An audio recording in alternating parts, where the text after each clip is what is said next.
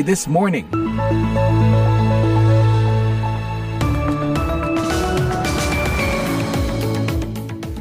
Hai, selamat pagi. Inilah VOA This Morning bersama saya Madioni, produser Bani Rahayu dan teknisi Jonah Cummings, Rabu 12 April 2023. Pada hari ini di tahun 1981, NASA meluncurkan pesawat ulang-alik pertamanya Columbia yang dirancang untuk mengorbit bumi, mengangkut manusia dan kargo. Nah, pada tahun 2011, PBB mendeklarasikan 12 April sebagai Hari Internasional Penerbangan Manusia ke Antariksa untuk mengingat penerbangan luar angkasa manusia yang pertama ini dan juga untuk mempromosikan eksplorasi serta penggunaan antariksa untuk tujuan damai dan untuk kepentingan umat manusia. ingat antariksa jadi ingat film Star Trek. Pasti ada juga penggemar serial Star Trek Star Trek pagi ini ya. Jadi kebalik. Nah, kita beralih saja ke VOA This Morning. Pagi ini redaksi VOA sudah menyiapkan laporan tentang tanggapan Rusia dan Korea Selatan mengenai bocornya rahasia Amerika. Um, so we've got to let the Department of Defense run their process with the interagency and taking a look at the national security implications. Selain itu, laporan tentang reaksi Menko Polhukam Mahfud MD atas putusan Pengadilan Tinggi DKI Jakarta yang membatalkan penundaan pemilu. Tapi memang itulah hukum yang benar. Tidak bisa masalah pemilu itu diputus oleh pengadilan negeri maupun pengadilan tinggi. Pagi ini VOA This Morning melengkapi laporannya dengan laporan dari Filipina dan Amerika yang memulai latihan militer besar. Dan siaran ini juga bisa diikuti lewat www.voaindonesia.com atau lewat podcast VOA This Morning episode hari ini di podcast langganan Anda. Namun sebelumnya, inilah berita dunia VOA. Perdana Menteri Kanada Justin Trudeau mengumumkan putaran baru bantuan militer kepada Ukraina beberapa saat setelah kedua negara menandatangani perjanjian modernisasi perdagangan di Toronto Selasa. We'll be sending 21,000 assault rifles, 38 machine guns, and over 2.4 million rounds of ammunition. Bantuan tersebut mencakup lebih dari 20 ribu senapan serbu, belasan senapan mesin, dan lebih dari 2 juta butir amunisi. Ini akan membantu angkatan bersenjata Ukraina terus mempertahankan kebebasan mereka dan memperjuangkan integritas teritorial Ukraina, kata Trudeau. Trudeau mengatakan perjanjian modernisasi perdagangan bebas yang ditandatanganinya dengan Perdana Menteri Ukraina Denis Simhal akan mempererat kedua negara dan membantu Ukraina membangun kembali setelah perangnya dengan Rusia.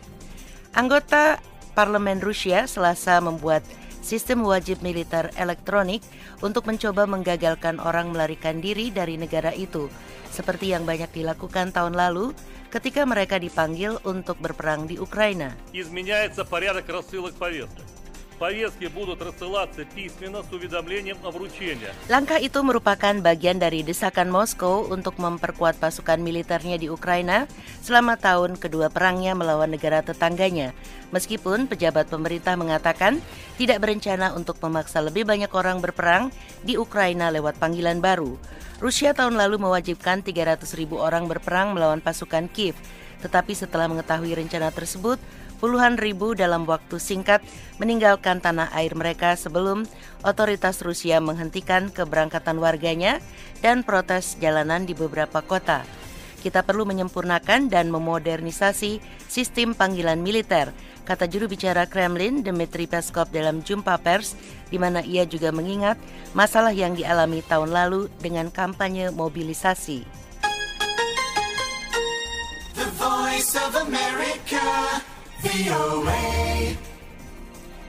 PBB telah memperingatkan bahwa pelarangan Taliban yang melanggar hukum terhadap staf perempuan PBB di Afghanistan bisa mendorong badan dunia itu untuk menghentikan operasi di negara itu. UN national uh, personnel, both women and men, have been instructed not to report to UN offices with only limited or calibrated exceptions made for critical tasks.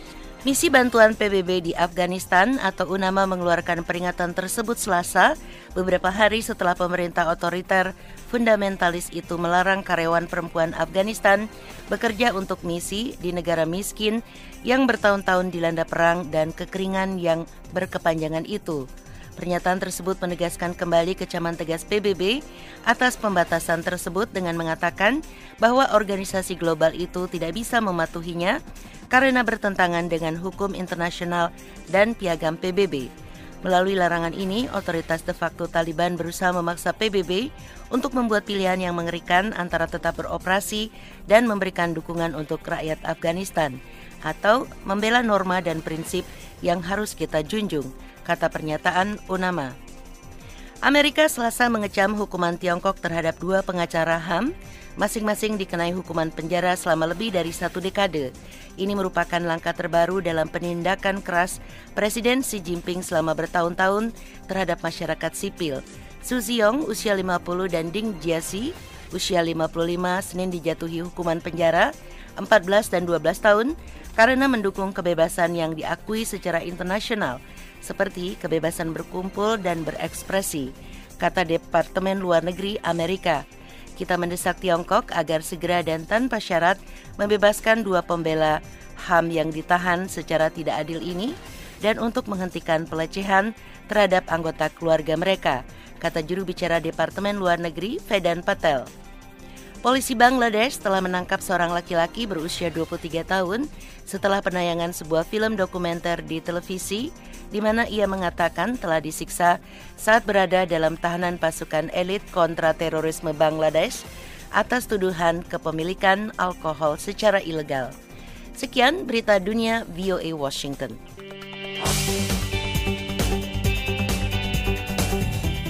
Sebagian negara mulai menanggapi dokumen sangat rahasia Amerika yang bocor ke dunia maya. Rusia melihat dokumen itu sebagai sesuatu yang menarik, namun Korea Selatan menilai dokumen itu dibuat-buat. Selengkapnya disampaikan Eva Masrieva. Pendengar, setelah sejumlah pejabat Amerika Senin lalu bereaksi keras terhadap dokumen sangat rahasia yang bocor yang diduga akan menimbulkan resiko keamanan serius, hari Selasa ini giliran dunia yang bereaksi. Juru bicara di Kremlin Dmitry Peskov mengatakan dokumen Pentagon yang dipasang di beberapa media sosial itu menarik, tapi tidak akan mengomentarinya lebih jauh.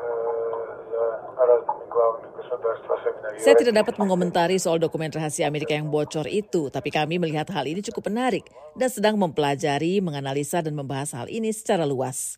Fakta bahwa Amerika telah sejak lama memata-matai sejumlah kepala negara, khususnya di beberapa ibu kota Eropa, telah berulang kali muncul, tambah Peskov.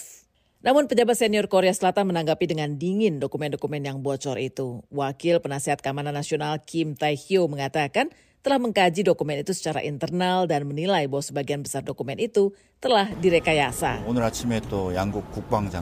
Menteri Pertahanan Amerika dan Korea Selatan telah bicara melalui telepon pagi ini ujar Kim dan sepakat bahwa mereka memiliki pandangan yang sama.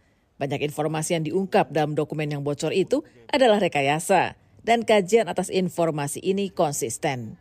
Mengingat ini adalah isu domestik Amerika, biarkan pihak Kementerian Kehakiman yang akan melancarkan penyelidikan. Dan ini butuh waktu tambahnya. Juru bicara Pentagon hari Senin mengatakan bocornya sejumlah dokumen sangat rahasia tentang perang di Ukraina menimbulkan resiko sangat serius terhadap keamanan nasional Amerika. Dokumen itu mencakup informasi sensitif tentang perang Rusia di Ukraina, serta tentang beberapa sekutu Amerika. Asisten Menteri Pertahanan untuk Urusan Publik Chris Maker mengatakan, materi yang telah beredar di berbagai situs media sosial itu berpotensi menyebarluaskan disinformasi.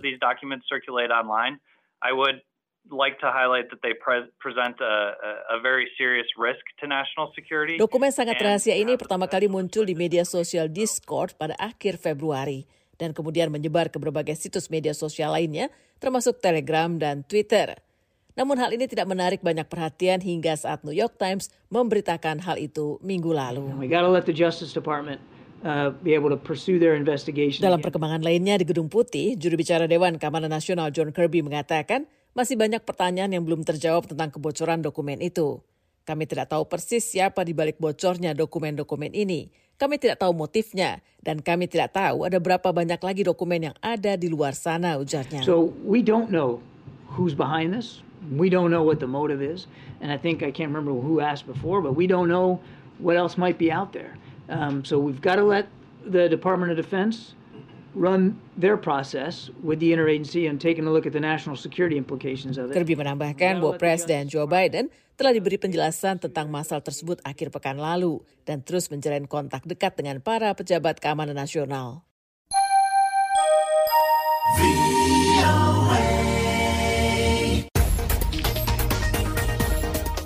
Filipina dan Amerika memulai latihan militer gabungan terbesar mereka hari Selasa ketika kedua sekutu lama itu berusaha melawan keagresifan Tiongkok yang semakin meningkat di kawasan. Selengkapnya disampaikan Rifan Dwi Astono. Militer Filipina dan Amerika Serikat memulai latihan gabungan tahunan mereka hari Selasa dalam apa yang disebut para pejabat akan menjadi latihan terbesar yang pernah ada. Sebanyak hampir 18.000 tentara ikut serta dalam latihan tahunan yang dijuluki Balikatan atau bahu ke bahu dalam bahasa Tagalog yang untuk pertama kalinya akan mencakup latihan tembakan langsung di Laut Cina Selatan, laut yang diklaim hampir seluruhnya oleh Beijing. Latihan perang yang akan berfokus pada peningkatan pertahanan maritim dan pesisir itu dilakukan setelah Tiongkok baru saja mengakhiri latihan militer selama tiga hari di sekeliling Selat Taiwan. Latihan kedua sekutu lama, Filipina dan Amerika Serikat itu akan berlangsung hingga 28 April. Mayor Joe Roberts dari Operasi Pasifik Angkatan Darat Amerika Serikat mengatakan, I think it's vital uh, to our relationship with the Philippine Army and the Philippine Artillery. Saya rasa latihan-latihan gabungan semacam ini sangat penting bagi hubungan kita dengan Angkatan Darat Filipina dan Artileri Filipina, sehingga kita dapat terus mempromosikan Indo-Pasifik yang bebas dan terbuka. Amerika dan Filipina telah sepakat untuk menggelar lebih banyak latihan tempur kecil dan besar pada 2023 dan memperluas latihan militer tahunannya setelah sempat terganggu akibat kebijakan karantina wilayah COVID-19 selama dua tahun, menurut pejabat militer Filipina. Kepala Staf Angkatan Bersenjata Filipina, Jenderal Andes Sentino mengatakan, As the collaboration and partnerships grow in strength and reach, Seiring dengan tumbuhnya kekuatan dan jangkauan kolaborasi serta kemitraan, kami tidak hanya memperkuat dan meningkatkan interoperabilitas angkatan bersenjata kami untuk pertahanan bersama, bantuan kemanusiaan dan tanggap bencana, tetapi juga berkontribusi pada perdamaian dan stabilitas wilayah Indo-Pasifik secara definitif.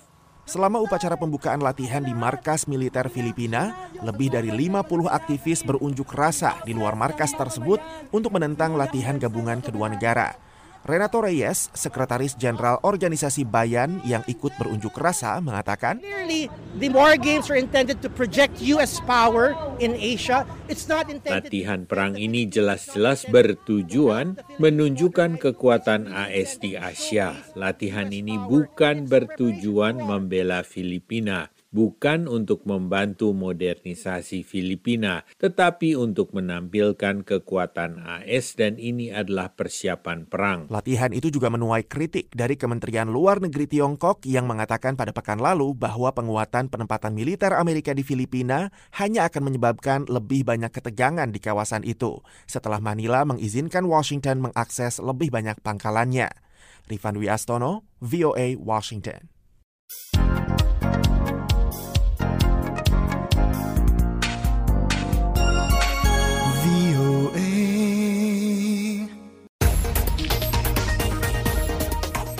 Menko Polhukam Mahfud MD mengucapkan selamat kepada KPU dan rakyat atas putusan Pengadilan Tinggi DKI Jakarta yang membatalkan penundaan pemilu.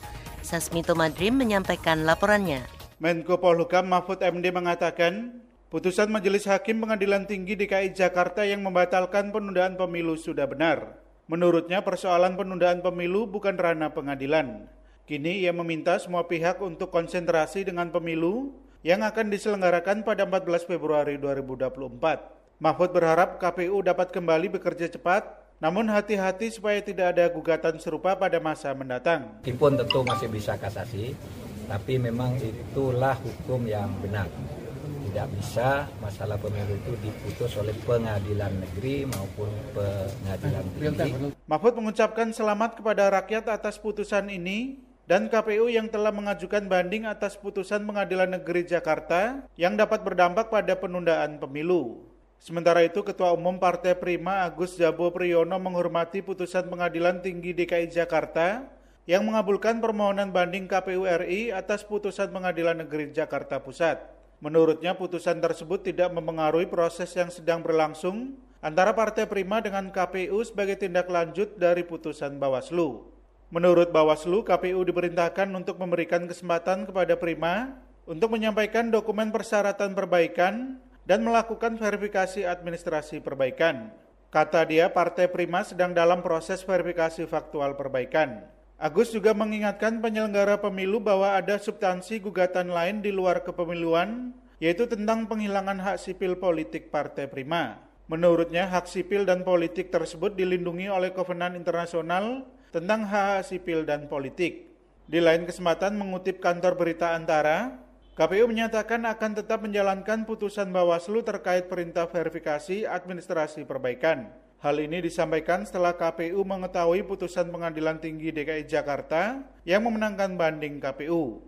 Sebelumnya Pengadilan Tinggi DKI Jakarta pada Selasa 11 April membatalkan putusan Pengadilan Negeri Jakarta Pusat yang mengabulkan gugatan prima yang dapat berdampak pada penundaan pemilu. Majelis Hakim Pengadilan Tinggi berpendapat bahwa Pengadilan Negeri Jakarta Pusat tidak berwenang mengadili perkara yang diajukan prima, karena itu gugatan prima tidak dapat diterima. Sasmito Madri melaporkan untuk VOA Washington.